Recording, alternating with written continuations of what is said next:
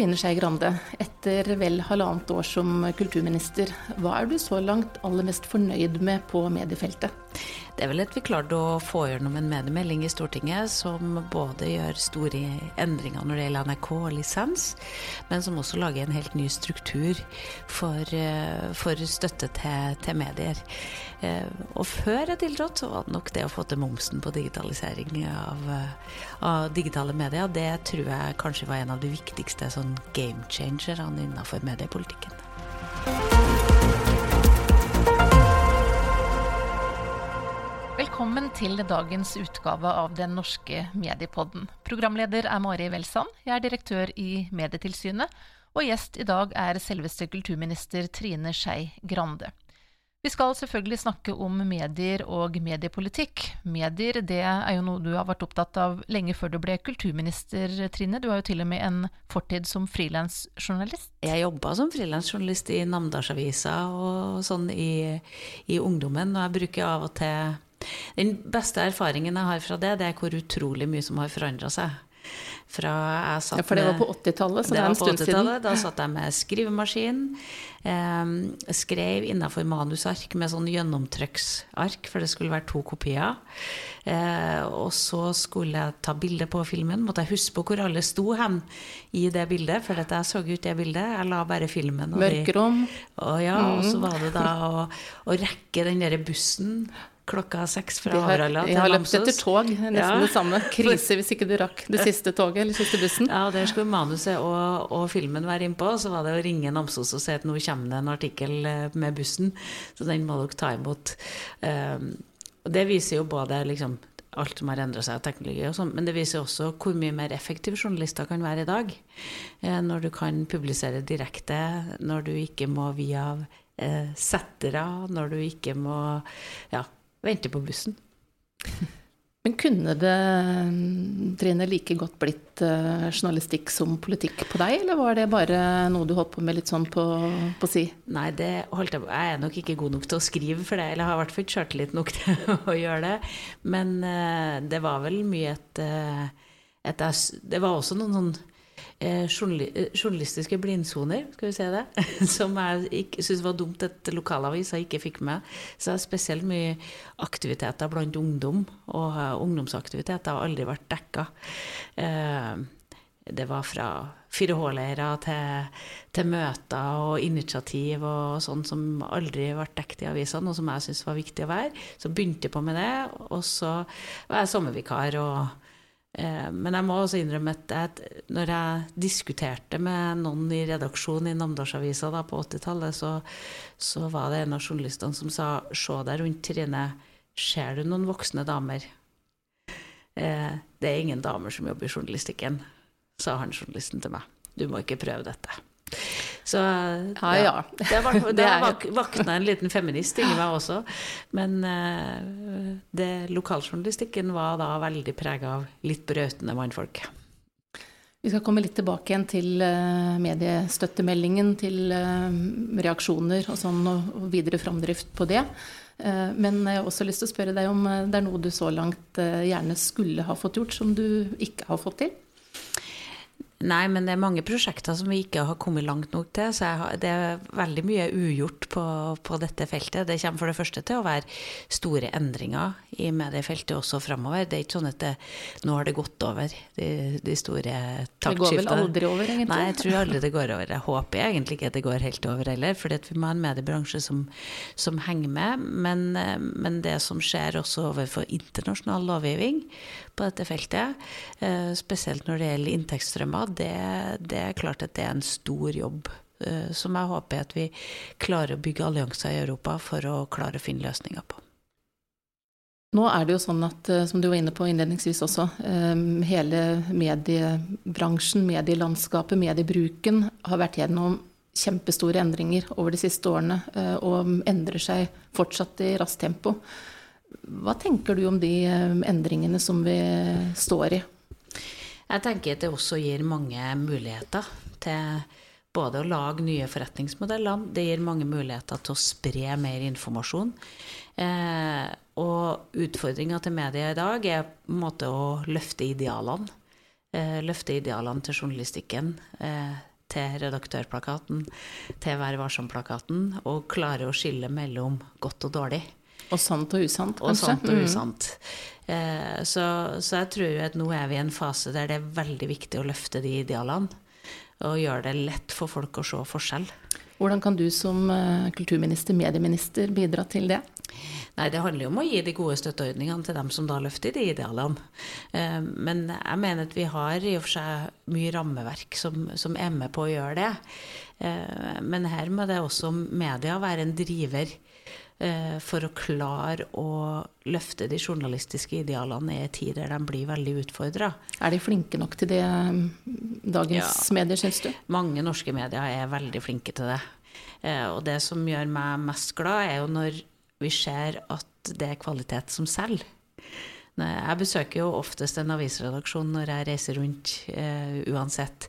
Uh, og det de sier, det er de gangene de har boost i salg av abonnement og sånn, det er nå de grundige dyptgående artiklene, det de har jobba lenge med, der de virkelig har gravd for å, for å, bringe et nytt perspektiv inn i samfunnsdebatten. Og det gjør jo meg litt optimistisk. For det betyr at kvalitet er folk villige til å betale for. Kvalitet selv, og kvalitet er det som løfter eh, de gode mediene videre framover. Så um, jeg har trua på at dette skal gå bra, men det kreves at ikke bare jeg gjør jobben min, men at også mediene gjør jobben sin. Vi skal uh, litt tilbake igjen til dette med mediepolitikk og mediestøttemeldingen som du har lagt fram, og som uh, da ble behandlet i Stortinget før uh, sommerferien. Og hvis du skal si med noen ord hva du tenker er det viktigste i det du har da fått gjennom som en følge av den meldingen. Hva tenker du det er? Hvis vi tar bort NRK, da, som det var en stor del av det, og som en ganske stor endring, så mener jeg det er to ting. Det ene er at vi ser at det å prioritere lokalmedia er avgjørende for demokratiet vårt. Det å gi lokalmedia både den anerkjennelse, men også det fokus som jeg syns at de trenger. Ehm, jeg er bekymra for at vi ikke har gode nok og mange nok lokale medier til å følge den lokale debatten til enhver tid. Det andre handler jo om etablering av et mediestøtteråd, som da skal prøve å flytte avgjørelsene i mediestøtte på en armlengdes avstand fra politikken. Eh, og at vi får en aktør mellom medier og politikk som gjør at det håper jeg blir lettere å diskutere de overordna prinsippene, og ikke begynne å diskutere enkeltmedier, som vi gjør i dag. Eh, så de, de to tingene tror jeg nok er det viktigste i den meldinga. Så er det jo eh, en del fra bransjen som eh, har vært litt kritiske, som sier at dette er ikke nok, bare flytte på noen penger, eh, det må friske midler til. Hva med de eh, større lokalavisene, regionavisene? Eh, hva vil du si til det? Jeg tror nok at de sliter med å finne en medieminister som har økt denne potten til mediestøtte mer de siste 50 årene enn det vi har gjort det, det siste året. Så det er, det er, en stor økning som ligger på, på hele dette mediestøttefeltet i, i denne meldinga. Og så skjønner jeg at folk ønsker seg mer penger. Men vi ser jo også at det begynner å tas ut ganske store utbytter. Um, på veldig mange av disse mediene også nå. Så det har skjedd et taktskifte. Uh, uh, det kan ikke fortelle at vi må legge ned i morgen, men vi tok ut 100 millioner i fortjeneste i fjor. Det, det, er, det må være en balanse her, og jeg tror at økonomien er i ferd med å bli sunnere. Sjøl om jeg skjønner at det også er, er krevende å finne nye inntektsgrunnlagene. Og så sier jo mange av de at ja, dette er bildet nå, men vi ser at inntektene fortsatt kommer til å gå ned, særlig på annonsesiden. Vi kommer til å komme til et punkt der det ikke er like lett å fortsette å øke abonnementsinntektene, sånn at eh, det kommer til å bli krevende tider framover også, kjære ja. kulturminister. ja, det kommer til å være krevende tider. Det kommer til å være svære omstillinger her. Eh, men det er jo veldig mange, eh, mange ting jeg møter som fastslåtte sannheter i redaksjoner i dag, som som folk flirer av når vi snakka om for to år siden. Så, så disse sannhetene de, de, endrer seg veldig fort, og forretningsmodellene utvikler seg veldig spennende og bra. Jeg syns at mange medier jobber bra med å utvikle forretningsmodeller på sine, sine produkter. Eh, og det, det, presset må de dessverre ha på seg videre framover, skal vi klare å henge med teknologisk i Norge. Og skal vi hele tida vurdere om det er nye virkemidler vi kan gjøre. Men jeg merker meg at det er ikke så mange, heller ikke stortingsbehandlinga, har brakt noen mange nye tanker inn i mediepolitikken. Det er ikke så vanskelig å definere problemstillingene, men det er ganske, ganske krevende å finne de nye eh, politiske virkemidlene for å nå dette. Du har eh, fritaket for arbeidsgiveravgift, da, som er eh, liksom det store virkemidlet som er foreslått, som eh, dere har vendt tommelen ned for. Hva tenker du om det forslaget? Vi har sagt at vi, vi ser ikke det som riktig å vurdere nå. Eh, jeg merker meg at det er bare Senterpartiet som virkelig løfter det i behandlinga. Noe som jo også er litt rart. Mediene det, selv da, vil gjerne ha det. Ja, det skjønner jeg. Eh, alle vil ha fritak fra alle avgifter. Det har vi merka i denne valgkampen. Men, men, det er soleklart at, at dette ville ha vært en stor overføring først og fremst til de, de største Oslo-baserte mediene, som i dag også tar ut gode fortjenester. Så, så, det er vanskelig å argumentere for at dette er en avgjørende infrastruktur for, for demokratiet vårt, fordi at veldig mange av dem som sliter mest, er dem som ikke har arbeidsgiveravgift. Og vi ser at det, det, det virkelig monner i store tall, det er de store mediene som i dag tar ut store overskudd. Så det er de minste som er de du tenker at først og fremst trenger noe mer? Ja, den type mediestøtte. Jeg mener at det vi gjorde med de store mediene, og sørga for at de skulle få muligheten til å utvikle forretningsmodeller og utvikle seg så bra som vi ser at de gjør nå, det gjorde vi med, med momsfritaket. Og uh, momsfritaket er jo kjempebra fordi at det er en, en ikke politisk styring, men en, en objektiv mulighet. Uh, og så ser vi at det er de små mediene der det grunnbasistilskudd er helt sånn avgjørende for eksistensen. Og der det å hjelpe dem å være drivere for å henge med teknologisk er viktige virkemiddel for å få dem til å, uh, å henge med. Uh, så, så, vi kommer til å følge dette systematisk og se på utviklingstrekkene som har vært. Men, men hittil føler jeg at vi har klart å gjøre grep som gjør at vi har en ganske fortsatt sammensatt og, og god medietilbud i Norge. Og så må vi snakke litt om det nye mediestøtterådet. Eh, og det vet jeg også er noe som du har vært veldig opptatt av, dette med å få større avstand eh, mellom eh, politikerne og fordelingen av støtte. Men der har det også kommet en, del kritikk fra de som mener at noe av dette faktisk bør være politiske beslutninger, og at man nå legger mye makt og myndighet til et lite utvalg. Hva er tanken din bak eh, dette grepet? Nei, Det er vel en erkjennelse over i mange år og kjempa inn i igjen forslag til kutt på mediestøtte, der det handler om enkeltaviser. Um, og jeg syns det er feil at Venstre og KrF går inn hvert eneste år og redder noen enkeltaviser. Det skaper en relasjon mellom politikere og enkeltmedier som ikke jeg vil ha. Jeg mener at det er en, det er en usunn mekanikk vi har laga når, når, det er sånn at uh, enkeltparti kobles opp imot uh, enkeltmedium. Nå er det ikke sånn at jeg føler at Klassekampen og Nasjonen liksom har vært de store forkjemperne for Venstre, sjøl om vi har gått inn og redda dem hvert eneste år. Men, men, likevel så skaper det en relasjon som ikke er sunn. Jeg vil jo at de avgjørelsene som politikere tar, er mye mer overordna. mer langsiktig. At vi, at vi skal ha en prinsipiell tilnærming, og ikke snakke om enkeltmedier og enkeltjournalister sin jobb, som det nærmest har vært med det systemet vi har hatt i dag. Så er det selvsagt politikerne sitt ansvar. Men det skal vi klare også med mer langsiktige styringssignaler. Hva slags uh, type føringer eller styringssignaler ser du for deg? Altså på hvilket nivå uh, det vil ligge fra Stortingets side? Kan du si noe om det? Det handler jo om hvilke prinsipper man ønsker å, følge. Eh, og eksempel det at Og da syns jeg vi som politikere må liksom definere hva er, hva er medienes rolle i demokratiet vårt. Og det er derfor vi har valgt å løfte lokalmedia, f.eks.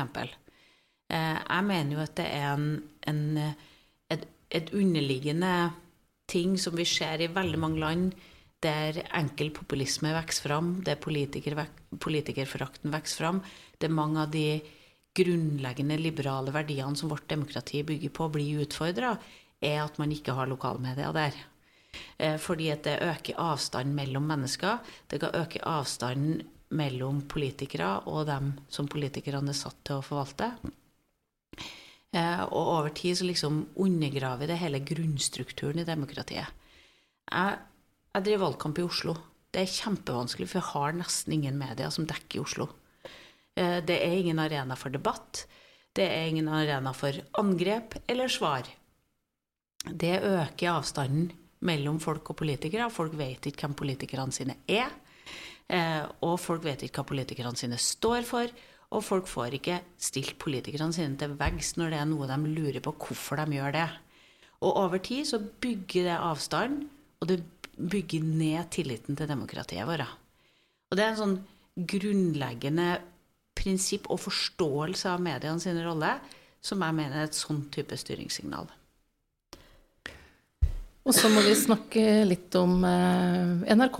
For eh, NRK var jo også en eh, vesentlig del av denne meldingen. Ja, og jeg er kjempeglad for at vi fikk så stor støtte for den modellen som var lagt fram. Det fins ikke noen sånn kjempeenkel, ideell modell for å finansiere en allmennkringkaster uten reklame. Og klare å koble det nok vekk fra også der politiske avgjørelser. Men jeg tror at vi har ramma inn dette godt. Og vi skal jobbe videre med å se om vi finner nye mekanismer eh, som sørger for at eh, NRKs uavhengighet blir, blir eh, veldig klart slått fast i måten vi styrer dette på.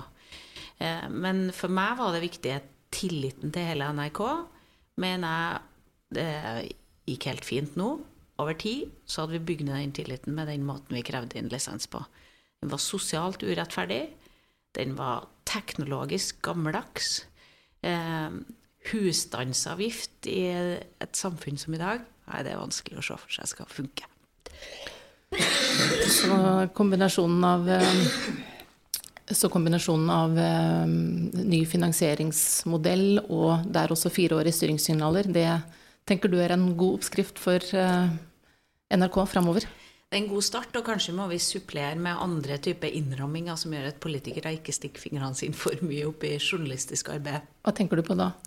Nei, Hvordan vi bruker kringkastingsloven, hvordan vi bruker Nå har vi også da flytta Kringkastingsrådet litt uh, mer til Stortinget og ikke til regjering. Så vi har gjort en del sånne grep, men jeg tror vi må jobbe hele tida med å finne gode rammeverket for å, for å sikre NRK sin uavhengighet.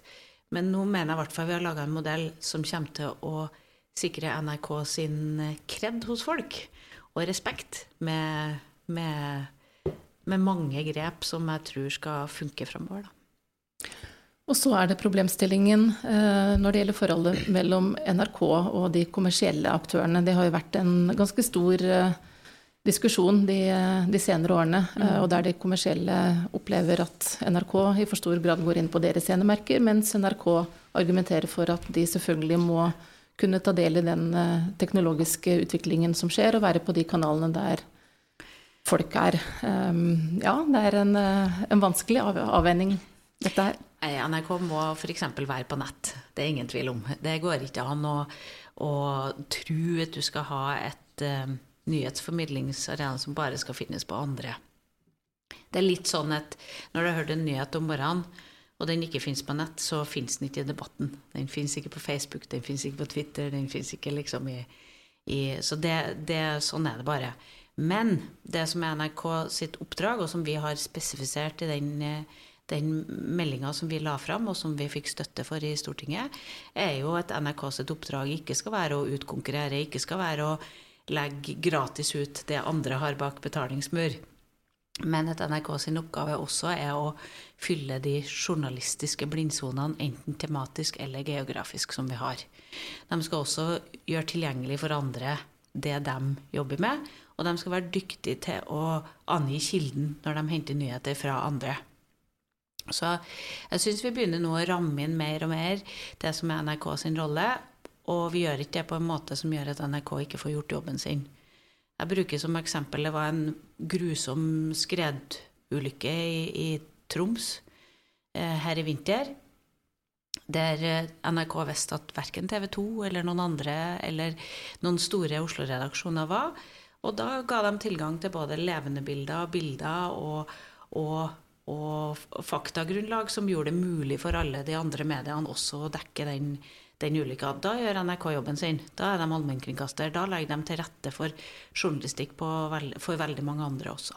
Så du tenker at vi er i ferd med å finne en balansegang her mellom eh, rollen til allmennkringkasteren, den offentlige allmennkringkasteren og den kommersielle delen av bransjen? Jeg tror at Den kommer vi alltid til å diskutere, men den diskusjonen fører til en utvikling som er bra. Og så er det kanskje det som eh, fra manges ståsted opplevelse er eh, en enda større utfordring, og det er jo den eh, globale konkurransen og de store internasjonale aktørene. Mm. Og det er jo enda mer krevende, for det er jo ikke noe som du kan sitte på ditt statsrådkontor og, og fikse. Og samtidig så er det eh, noe som da utfordrer særlig finansieringsmodellen eh, betydelig for de norske mediene. Si litt om eh, hva du tenker rundt eh, de problemstillingene. Vi lever jo i en underlig tid der veldig mange land liksom øker, løfter grensene mellom seg, skal handle mindre og skal ut av, eh, ut av samarbeidsmodeller. Det har tatt 50-60 år å, å, bygge opp. Eh, og dette mener jeg er et veldig godt eksempel på en utfordring som vi ikke kan løse nasjonalt.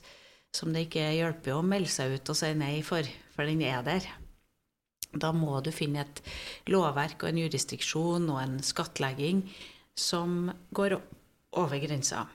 Jeg er jo veldig glad for den jobben som Margrethe Vestager satte i gang når hun var kommisjonær eh, i EU. Vi har hatt godt eh, Hun er jo fra mitt søsterparti i Danmark, så vi samarbeider godt. og jeg hadde nok en liten aftenbønn om at hun skulle komme og få en viktig posisjon i EU-systemet nå framover, for det hadde vært et løft for hele mediebransjen hvis vi hadde klart det. Men nå er det nye folk i EU-systemet. Blir spennende å se hva, hva de setter på dagsorden. Vi samarbeider og vi prøver å bygge relasjoner med, med dem som jobber her, for det, her må vi finne europeiske jurisdiksjoner som vi kan klare å håndheve sammen. Har du noen tanker om uh, hvordan uh, man kan tilnærme seg disse problemstillingene? Hva som kan være en måte å løse det på? Nei, Jeg håper at vi kunne sett på skattlegginga Eh, på dette området, men også andre typer reguleringer. Men det å tro at vi kan fikse det i Norge og fikse det i Norge alene, det kommer vi ikke til å klare mot disse store gigantene som vi nå eh, ser i, i, mediebransjen. Så et sterkere europeisk samarbeid, eh, det at Europa kan gå sammen både på, på regulering og på, på, skattlegging, eh, det gir oss en mulighet for å gjøre dette, den, denne kampen mer rettferdig. Da. Er dette noe som du eh tar opp og legger på bordet i uh, ja, sammenhenger der du er? Vi har hatt veldig nær kontakt med Margrethe Vestager på, på dette området. Men eh, nå er det nye koster, så vi må regruppere innsatsen vår. Ja. Men jeg tror at dette blir viktig framover for både mediepolitikken, men også for mange, mange andre felt der vi ser at vi trenger regulering. Nå er det jo snart eh, valg, eh, og tenkte jeg skulle komme innom at uh, vi i Medietilsynet nylig gjorde en undersøkelse som bl.a. stilte spørsmål ved folks deltakelse i debatten i media. Og da var det sju av ti nordmenn som svarte at de aldri har debattert politikk eller samfunnsspørsmål i media. Altså verken de tradisjonelle mediene, leserinnlegg, kommentarfelt osv., eller i, i sosiale medier. Eh, det overrasket nok oss kanskje litt at det var såpass eh, få. Hva tenker du om eh, det? Nei, For meg som forholder meg til kommentarfelt, så er jeg ikke så forundra. Fordi at jeg tror at det er mange gjengangere. Det er mange som bruker veldig mye av tida si i disse kommentarfeltene. Og så er det veldig mange som eh, ikke tør, ikke orker å delta. Um, men hva betyr det, tenker det du, for vi, demokrati og debatt? Vi svekker demokratiet vårt, og det betyr at den fantastiske muligheten som ligger i en digital hverdag, med at alle kan delta, den spolerer vi. Og hva i all verden skal vi gjøre med det? Hva, Nei, kan, det eh, hva kan, gjøres? Nei, vi trenger mer digital dannelse, som gjør at flere orker. Og jeg føler at vi er litt på steinaldernivå ofte i, i i debattkultur på nettet som gjør at mange ikke orker å si hva de mener. For det er bare ja, skjellsord og karakteristikker. Men det finner du jo også på de andre debattene. Jeg har vært i noen debatter i sommer der, godt dannede mennesker har konkurrert i karakteristikker istedenfor å komme med argumenter. Så vi trenger hele tida å gjøre noen ting for å bedre den offentlige debatten. Og da trenger også vi partiledere, når vi har partilederdebatter på TV, og prøve å kjempe litt for dannelsen i debatten der også. Så jeg tror at dette er et, dette er et samfunnsprosjekt som man jobber med hele tida. Ja, for det er jo litt synd at når mulighetene for å komme til ordet aldri har vært større eh, Det er enkelt for folk flest å delta, men samtidig så er det da mange som vegrer seg. Så er det jo litt trist. Ja, det er ikke så enkelt å delta når det du det som Ja, vi ser tall på hva lokalpolitikere f.eks. blir utsatt for når de er, eh, står, står opp for, for, sine meninger også lokalt. Så jeg tror at dette er en, men dette er en generell samfunnsutfordring. Eh, som det eneste håpet jeg har, det er at ungdommen er utrolig mye bedre enn de voksne. Ser du tendenser til det, eller? Ja, det, for meg som forholder meg til sånne kommentarfelt, så er det jo de eldste som er verst, og de yngste som er best. Trine Skei Grande, kort til slutt. Eh, hvordan ser din eh, mediedag ut? Hvordan forholder du deg, og hvordan bruker du media? Nei, nå er jeg så heldig at jeg har en gjeng på kontoret som eh, lager medieklipp til meg på morgenen. Så jeg slipper å lese. Så du får det rett og slett helt servert? ja, men jeg forholder meg nok til nettaviser 24-7, så det er ikke noe Ingenting som uh, du går glipp av? jo, det er det sikkert. fordi at tilfanget er så stort i gamle dager. var det liksom sånn Du kunne gå gjennom en bunke på morgenen, så hadde du oversikt. Husker når jeg hadde vært på ferie, så la jeg hele avisbunken ned og så bladde jeg gjennom alt for å liksom få kontroll på hva som har skjedd mens du var på ferie. Det gjør du ikke lenger.